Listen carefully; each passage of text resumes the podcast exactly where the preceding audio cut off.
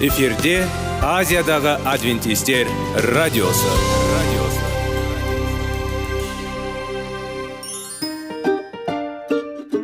сәлем достар. Денсаулық өмір бұлағы және біздің бірінші байлығымыз демекші денсаулық сағаты рубрикасына қош келдіңіздер.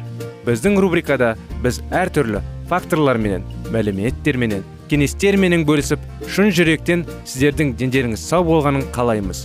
Сол үшін біздің рубрикаға қош келдіңіздер. Дайындалып тұрыңыздар. Өйткені келесі минуттарда қызықты фактілерге ие боласыздар. Енді достар ең бірінші байлығымызды қолымызға алып алға кеттік.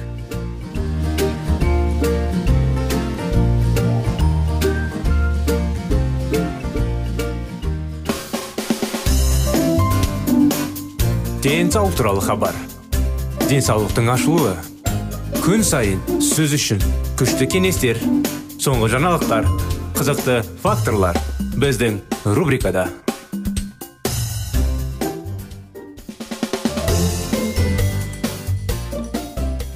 сәлем достар ассалаумағалейкум біздің құрметті радио тыңдаушыларымыз біздің бағдарламамызға қош келдіңіздер сіздерменен бірге әрдайым денсаулық сағат бағдарламасы денсаулықты әрдайым біз қадірлеп денсаулықты бағалауымыз керек құрметті достар қазіргі уақытта сіздермен бірге біз жаңа тақырыптарды бастаған едік салауатты болу сол бағдарламамыздың тақырыптарын жалғастырсақ ұйқысыздық және қысқа ұйқы. Тәуекел тобындағы ерлер. Ұйқысыздық арттырады. Өлім жетім ерлер төрт есе 14 жыл ішінде 740 ер астам зерттеу ұйқысыздықтан зардап шеккен және түнде 6 сағаттан аз ұйықтағандардың арасында өлім қаупі ұйқысыздықпен қиындықтар жоқ адамдарға қарағанда төрт есе жоғары болады екен. Егер ұйқысыздық пен қысқа ұйқы диабетпен және немесе гипертониямен көршілес болған жағдайда өлім жетім қатерінің жеті еседен артық жоғарылау үрдісі байқалады екен. Әйелдерде өз кезегінде ұйқысыздық пен қысқа ұйқыға байланысты өлім жітім қатерінің артқаны байқалған кеңес егер сіз ұйқысыздықтан зардап шексеңіз оны елемеңіз. Ұйықтауға және белгі бір уақытта оянуға тырысыңыз. Күн сайын 30 минуттан кем емес дене жаттығулармен айналысыңыз. Құрамында кофеин бар нәрселерден сондай ақ кеш және мол кешкі астан аулақ болыңыз. Әлбетте қарапайым немесе елемеу мүмкін емес. Негізгі қағидаттар толқынды денсаулық толқынды денсаулық құпиясы адам өмірін ұзартудың әдістеріне қатысты тартымды ғылыми әзірлеместерінде емес қымбат емдеу әдістерінде емес өмір сапасын жақсартуға мүмкіндік беретін және оны жарқын бояулармен және үлкен мағынамен толтыра отырып міндетті түрде байтатын ең қарапайым қағидарды сақтаудан жатыр. Ауа әрине өмір демде басталады. Ал демде ол аяқталады. Осы себепті толық құнды денсаулықтың бірінші қағидаты ауаның болуы. Өмір үшін ауа рух ал салауатты өмір үшін таза ауа қажет. Таза ауа жұтқыштығының бағасын аз сезінеді. Біз денеміздің әрбір клеткамыздың нүктесінің қышқыл үйді мол жабдықтауы тиіс екенін білеміз. Бірақ бұған дейін табиғатта болатын күрделі химиялық процестер соның ішінде ауаның табиғи тазартуы. Ауа тазартылады және теріс бізбен байытылады. Жаңбыр мен найзағай жасыл өсімдіктер су мен өзендер күн сәулесі құм мен мұхит арқылы ірі қалаларда ауа әдетте өнеркәсіптік кәсіпорындардың зиянды шығарылымдарымен автомобильдердің пайдаланған газдарымен темекі түтінмен және басқа да ластаушы заттармен ластанған олар оның сапасы қала деп аталады.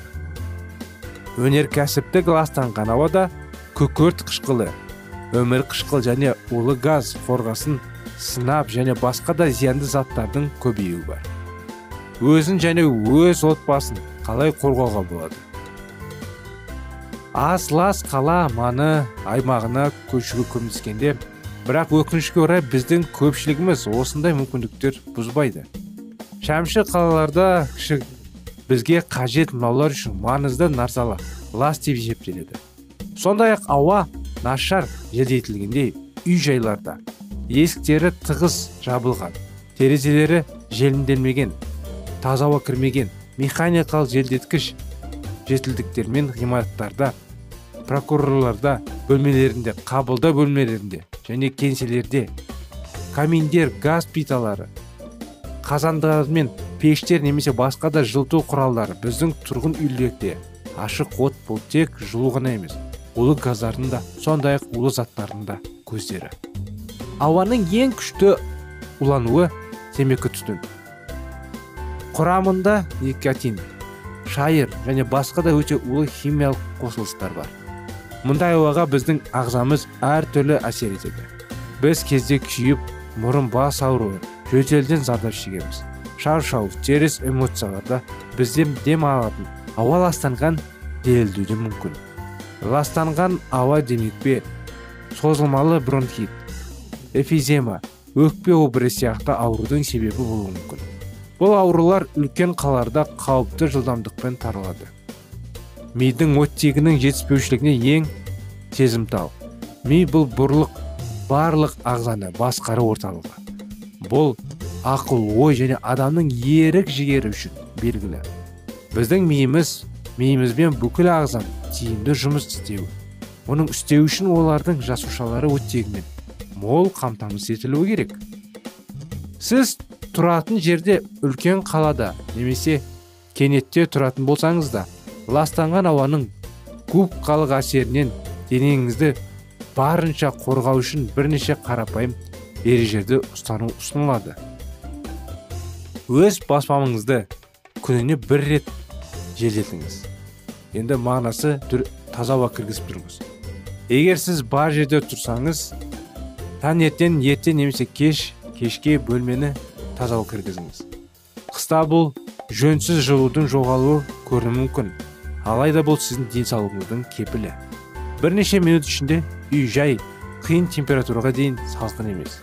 Ас үйде мүмкіндігінше арнайы соғыштар орнатыңыз. Бөлме өсімдіктерін өсіріңіз. Табиғатты бір бөлігін үйіне әкеліңіз. Бөлме өсімдіктері сіздің үйіңізде таза ауа рухтың сауықтыруға көмектеседі. Дегенмен олар терезелерді қоршалмау және күн сәулесін тапшылығын туғызбау үшін көп болмауы керек. Ашық желді көздерде ұйықтаңыз және сіз таңғы ояту кезінде демалған және босаңсқан сезінесіз. Ары қарай кеңестер біраз кеңестер бар құрметті достар. Өкініштіге орай бағдарламамыз аяғына келіп қалды. Сондықтан келесі бағдарламада сіздерді қуана күтеміз. Келесі жолға дейін сау саламат болыңыздар.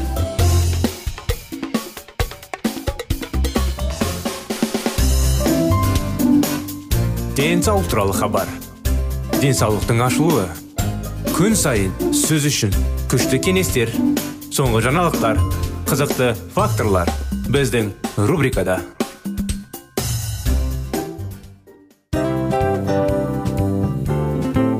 Әуелі байлық денсаулық екінші байлық он саулық үшінші байлық ақ жаулық ал енді осындай радио парақшадан кейін не дейміз?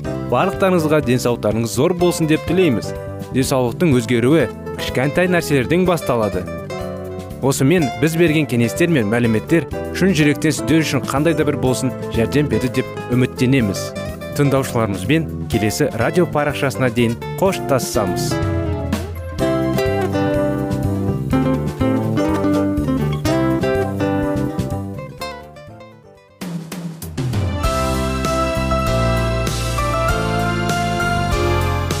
эфирде азиядағы адвентистер радиосы.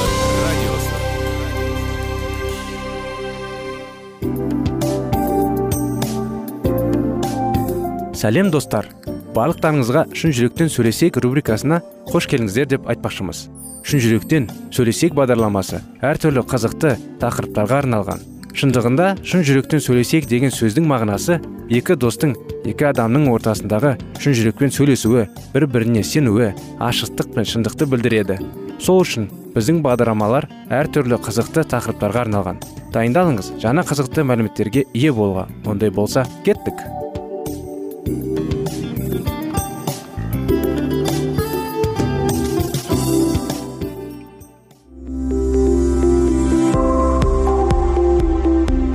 Сөздер. Сырласу. Қарым қатынас жайлы кеңестер мен қызықты тақырыптар. Шын жүректен сөйлесейік рубрикасында.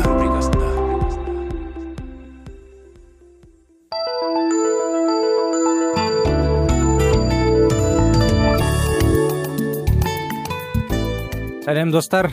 Армысыздар құрметті достар құрметті радио тыңдаушыларымыз. Біздің шын жүректен сөйлесейік бағдарламамызға қош келдіңіздер. Құрметті достар сіздердің назарларыңызға жаңа тақырыпты бастаған едік. Сіздермен бірге өткен жолы соны жалғастыра кетейік. Ә, тақырыбымыз баланың жүрегіне бес қадам. Өте маңызды керемет тақырып. Махаббат бес тілі. Тақырыбымыздың табысы маған көп қуаныш әкеледі деген сенімге келуіміз керек. Бұл маңызды. Мыңдаған адамдар бағдарламаны тыңдап қана қоймай оның принциптерін меңгеріп тәжірибеде онда баяндалған айтылған кеңестерді пайдалануда мен бүкіл әлемнің жүздеген хаттарын аламын. Онда оқырмандар маған көмектескендері үшін алғыс айтады. Олардың серіктерімен қарым қатынас орнату. Олар бір бірінің ана тілінде сөйлеуге тырысып болғаннан бәрі отбасындағы эмоциялық ахуал жақсарады. Ал кейбіреулер тіпті бағдарламаны тыңдап некесін сақтап қалды деп санайды. Мен әлі де неке мәселелері бойынша семинар өткіземін және жиі естимін. Балалармен аты, ана тілін қалай табу туралы тақырыптар қашан пайда болады? Көптеген ата аналар бізге жұбайымен қарым қатынас орнатып қарым қатынастың дұрыс тәсілін өз баласының махаббат тілін табуға тырысып бұл нәтиже берді. Алайда мен балалармен ешқашан жұмыс істеуге тура келді мен ерлі зайыптыларға кеңес берем. Сондықтан балалар туралы кітап жазу мен жай ғана шешілмеді. Бұндай кітапты жазып және де бағдарламаны бағдарламаға қосқан ой керемет болады деп ойладым. Бірақ бұл жоба туралы менімен басып шығарушылар сөз сөйледі. Мен олардың ұсынысын ойладым. Ал өзім ресейлік кэмбеліммен өзінің бұрынғы досымен байланысқан.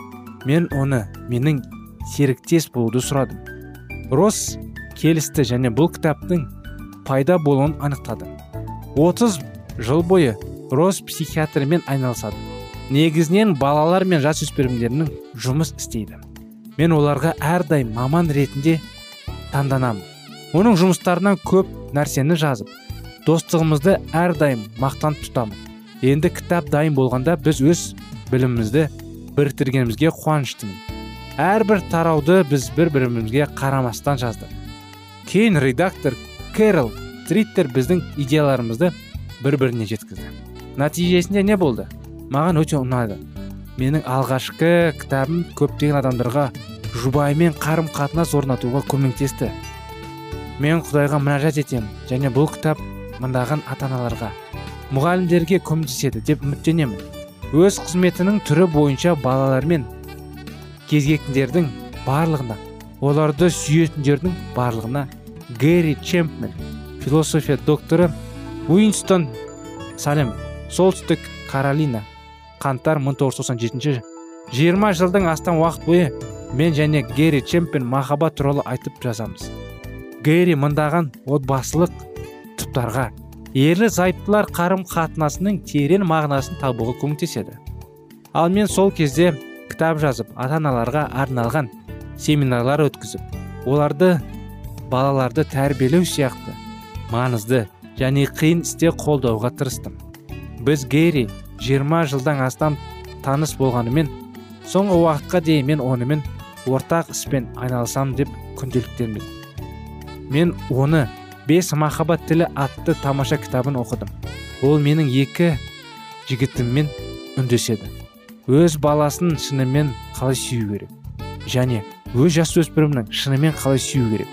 Әсіресе маған әр адамның ана тілі махаббат тілі деген ой ұнады егер біз жұбайымыз қандай тілде сөйлесетінін және өзіміз қандай да бір білімдерімізді анықтасақ бұл баға жетпес білім бізге өмірді толық әрі бай етуге көмектеседі. Ата аналар мен балалар арасындағы қарым қатынас үшін де әділ. Әр бала өзінің махаббат тілінде дейді. Біздің гэри мен қызмет көп жағдайда ұқсас және біз оны түсінген кезде нағыз кітап пайда болды. Мен герримен бірге жұмыс істеуге мүмкіндік алдым. Біздің еңбектеріміздің жеміс жеміссіз қолыңызда ұстайтын кітап десек те болады. Соның арқасында бүгін осы бағдарламада айтылып отыр әрине. Ол ата аналарға және балалармен анасатындардың барлығына өз асыраушыларына ең маңызды оларды жақсы көретіндеріне сенімділік беруге көмектеседі деп сенемін. Сонымен біз баланың жүрегіне бес жолды бес махаббат тілі бізге қосылыңыз. Рос кэмпбелл медицина докторы сигнил муантин теннесси қаңтар 1997 жыл мінекей құрметті достар бірінші тарауды бастар алдында әрине маңызды сөздерді көтергім келеді. Көптеген кісілер ата аналар әрине нәрестені өмірге әкеледі. Олар көбісілер мысалы нәрестені өмірге әкелуді жоспарлайды көбілер жоспарламайды. Орысша айтқанда случайно дейді ғой солай болып қалады. Содан әрине ол бала нәресте ойланбаған жерден болып іште өсіп тоғыз айдан кейін осы өмірге келеді. Әрине бара бара оны ата аналары өсіріп қолдарынан келгенше оны тамақтандырып әрине киіндіріп өсіруге тырысады. Ал нағыз тәрбие беру жайлы әр ата ана ойлана ма бүгін ойланбай ма? Балалар өзімен өздері өседі кейде далада кейде смартфонда әр өзінің ой пікірлері болады. Соның бәрі ол өзі таба алады болмаса ата анасы енгізе алады оған. Соны жақсылап ойлану керек. Біздің баланың жүрегіне бес қадам тақырыптарды ғана өткізбей болашақта осы сияқты керемет тақырыптар жүргіземіз. Баланың жүрегіне тіл баланы түсінетіндей баламен қарым қатынасты керемет қылатындай оны керемет тәрбиелейтіндей ертең болашақта керемет азамат болып өсетін. Сондықтан біздің бағдарламадан алыстамаңыздар. Басқа достарыңызға таныстарыңызға әсіресе кімнің бала шағасы бар? Біздің бағдарламаны тыңдауға кеңес беріңіздер. Келесі жолға дейін сау болыңыздар.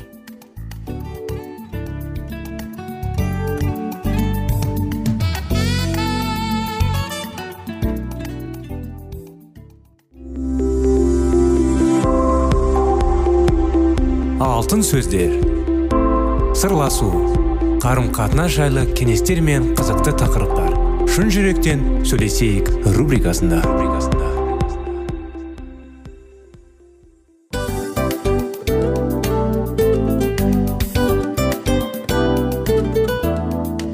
Құрметті достар барлық ең соңғы кеңестер аяқталған соң біздің программамыз соңына келіп қалды. Осы біздің мәліметтер осы рубрикада айтылған әрбір сөздер сіздерге өзінің қандай да бір пайдасын алып келді деп шын жүректен сенеміз. Және бұдан да көптеген рубрикаларымыз бар. Басқа рубрикаларымызда біздің зерттеулерімізде сіздер үшін тағы да қызықты мәліметтер дайын. Біздің шын жүректен сөйлесейік парақшамызда көптеген әдістер ең соңғы кеңестер адамның нравственность жақтан моральдық жақтан тазалап байыта тұрған соңғы кеңестердің барлығын жанарады. сондықтан алдыңғы күндерде бізбен бірге болыңыздар. Өйткені барлық қызықтар алдыда. Бізбенен бірге болғандарыңызға үлкен рахмет. Келесі кездескенімізше сау сәлемет болыңыздар.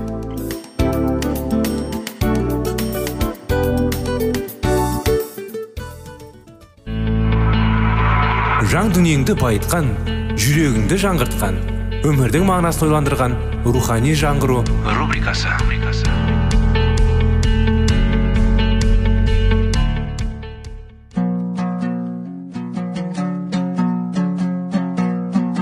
Ассалаумағалейкум біздің тыңдаушыларымыз. Келі кітаптың шындығын ашып берген қысқа бағдарламасына қош келдіңіздер. Барлығынан жоғары жаратушы біздің қарыңғылықта жалғыз қалдырып қойған емес. Өйткені ол келешекте не болу керек екенін киелі кітаптың парақтарында ашып береді. Немесе келіңіздер бізге қосылыңыздар. Жаратушы бізге нен ашып бергенін зерттейміз. Ассалаумағалейкум армысыздар біздің құрметті достар біздің радио тыңдаушыларымыз рухани жаңғыру бағдарламамызға қош келдіңіздер. Сенуді қалай үйренеді? Деген сұрақпен деген тақырыпты жалғастырамыз. Дұға не айту керек? Бірнеше минут бойы таза қағаздың алдында. Көремін және тарауды қалай бастау керектігін неше алмаймын шеше алмаймын. Мен әрине мен не айтқым келеді? Бірақ оңай алуға және жаза алмаймын. Сүйіну бұл жағдайда басқа екен. Дұға ету бұл тек ауыз ғана емес.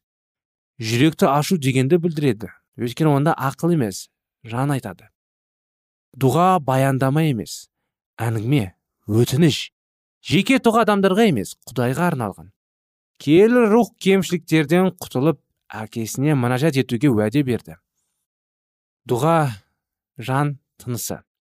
Бұл түсіндіру біз үшін табиғи және пайдалы дұға ететін көрсетеді. Табиғи дұға болған сайын оның қалай естілетініне аз қамқорлық жасаған сайын құдаймен сөйлескен жөн. Құдай біздің ең жақсы досымыз болғандықтан ол кез келген уақытта онымен еркін сөйлескенімізді қалайды. Жоғарыда біз дұға біз сүйетін және құрметтейтін дос ретінде құдаймен сөйлесу деп айтқанды білесіздер. Достық өзара сыйластықпен мүмкін емес.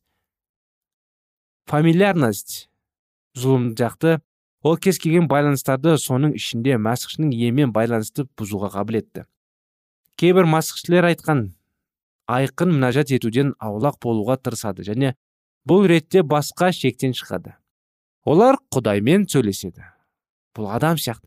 Егер сіз құдаймен жұмыс істеу бойынша жолдастар ретінде қарауға бойым бейім балсаңыз онда синай тауында не болған еске түсіріңіз ерлерде жазылған ескертуді оқидайық құдайға рақымды қызмет ететін боламыз. Өйткені құдай бізді от тұтады мүмкін сіз жаңа сүйіну болмаса дұға десек те болады өмірін бастағыңыз келе ме? Жақсы. Рас көп нәрсені үйрену керек дегенмен енді дұға бастауға болады. Құдай сіздің досыңыз және дұғаны көмектеседі. Оған сіздің толықтыратын нәрселердің бәрін сенуге болады. Дұғамен ұсыныстар салу ешқандай рөл ойнайды емес. Екенін есте ұстаңыз. Тек құдай алдында еркін ашық және адал сезіну керек. Дұғаны үйрену керек пе? Сонда шәкірттер мырзалар бізді дұға етуге үйретші дейді. Сіздің күнәларыңыз кешірілді ме? Содан кейін салық жинаушылар ретінде дұға етпе құдай маған мейірімді бол күнәқар. Алдында да алдыңғы бағдарламада да біз оқыған едік жаңағы дұрыс емес сиынудың. Екі адам құдайға сену үшін ғибадатханаға ерлеп барыпты бір паршыл екіншісі салық жинаушы екен. Паршы тұра қалып іштей былай деп нәжат етеді. Иә құдай мен басқа адамдар сияқты қарақшы. Жәбірлеуші неке адалдығын бұзушы немесе ана салықтаушыға ұқсап күнәқар болмағаным үшін саған рияшылық білдіремін. Өйткені мен аптасына екі рет ораза ұстаймын барлық тапқан табысымның оннан бір бөлігін қайыр садақа беріп тұрамын деп осындай сүйініспен сыйынады неліктен? Бұйтындай сүйініспен сүйіну қажеті жоқ құдайға. Құдай онсы да бәрін біледі. Құдай бізді тізе бүгіп оның алдында күнәһар ретінде бір нәрсе бүлдіріп қойған сияқты. Кешірім сұрап онымен сөйлесіп. Әрине біз күнәһармыз күнәһар өмірдеміз. Күнделікті біз әрдайым бір дұрыс емес ойлар дұрыс емес істер істеп қоямыз. Сондықтан оған қолына бәрін тапсырып неғұрлым бара бара жүрегімізді тазартып оған шын ниетпен шын жүрекпен сиынғанымыз дұрыс болады қандай тәсілмен дұға етуге болады? Сүйіну кезінде дұға етушінің артында даусыз маңызды себебі ол. Құдайға деген көзқарасымызды білдіреді. Оған дұрыс қарым қатынасқа көмектеседі дейді.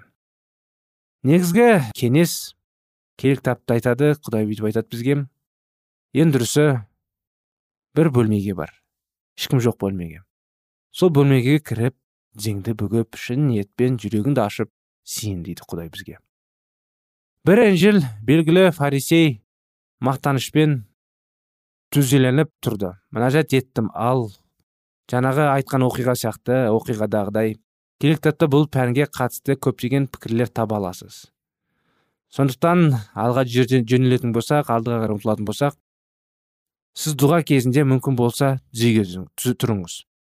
Бұл әсіресе мұндай әрекетті қорлау және лайықсыз деп есептеуге қажет.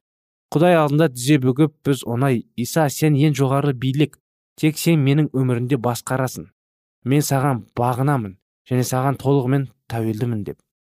Бірақ иса әрдайым дұға кезінде тізеге айналады емес. Әрине сізге қашан және қандай жағдайларда тұру отыру немесе тізеге бейім болу керектігін ұсынғым келмейді. Бірақ жеке дұғада тізені басқанға дұрыс бұл біздің құдайға деген көз қарасымызға жақсы әсер етіп қана қоймай қоршаған әлем үшін куәлік болады. Ал егер ешкімге жақын болмаса да дұға кезінде тізеңізді қалпына келтіру сіз кімге тиесілі біздің үйде емес орталық жылу беру және қыста өте суық.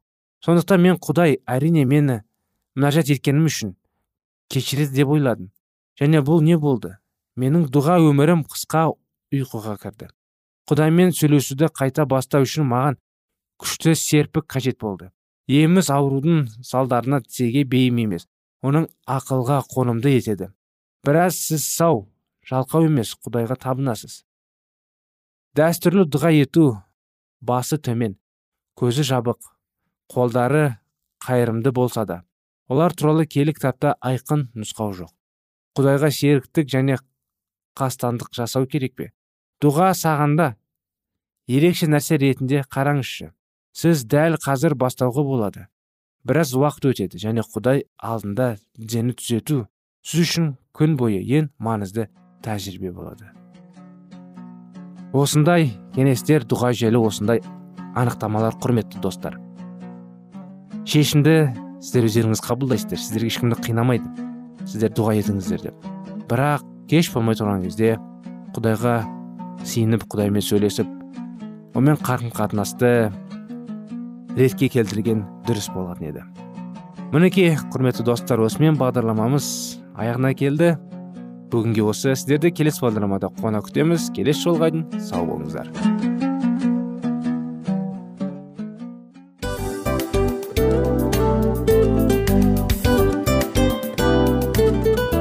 Осымен достар программамыздың зерттеуіміздің ең қайғылы минутына жеттік. Қайғылы дегенде бағдарламамыз тез арада өтті де кетті. Соған көңіліміз деп тұр. Жарайды қайғыны қояйық бүгінгі 24 сағаттың алтындай жарты сағатын бізге бөліп арнағаныңыз үшін рахмет. Егер де өткен сфераларда пайдалы кеңес алған болсаңыз біз өзіміздің мақсатымызға жеткеніміз. Тыңдаушыларымызбен қоштасу уақыты келді. Келесі кездесулерді сағынышпен күтеміз. Жарты сағатты кездесуіміз көз ашып шапқанша дем арасында өтіп кетті. Бірақ бізде жақсы хабар бар. Келесі зерттеулерімізде сөзсіз кездесеміз. Өйткені көптеген сюрприздер қызықты мәліметтерді және керекті нәрселерді көбін дайындадық. Бүгінгі күндеріңіз өзгеше позитивті болсын. Жақындарыңыз аман есен болсын деп тілейміз. Жаратқан ие барлықтарыңызға батасын берсін. Істеген істеріңіз игілікті болсын. Келесі кездескенше сау саламат болыңыздар. Достар біздің бағдарлама бойынша сұрақтарыңыз болса әрине сіздерге керекті анықтама керек болса біздің whatsapp нөмірімізге хабарлассаңыздар болады. Плюс бір үш жүз бір жеті жүз алпыс алпыс жетпіс. Иә достар сіздер қателеспедіңіздер бұл біздің номерлерге ұқсас болмаса да бұл whatsapp номер арнайы. Хабарласыңыздар сұрақтарыңызды қойып тұрыңыздар. Анықтаманы алып тұрыңыздар. Плюс бір үш жүз бір жеті жүз алпыс алпыс жетпіс whatsapp номері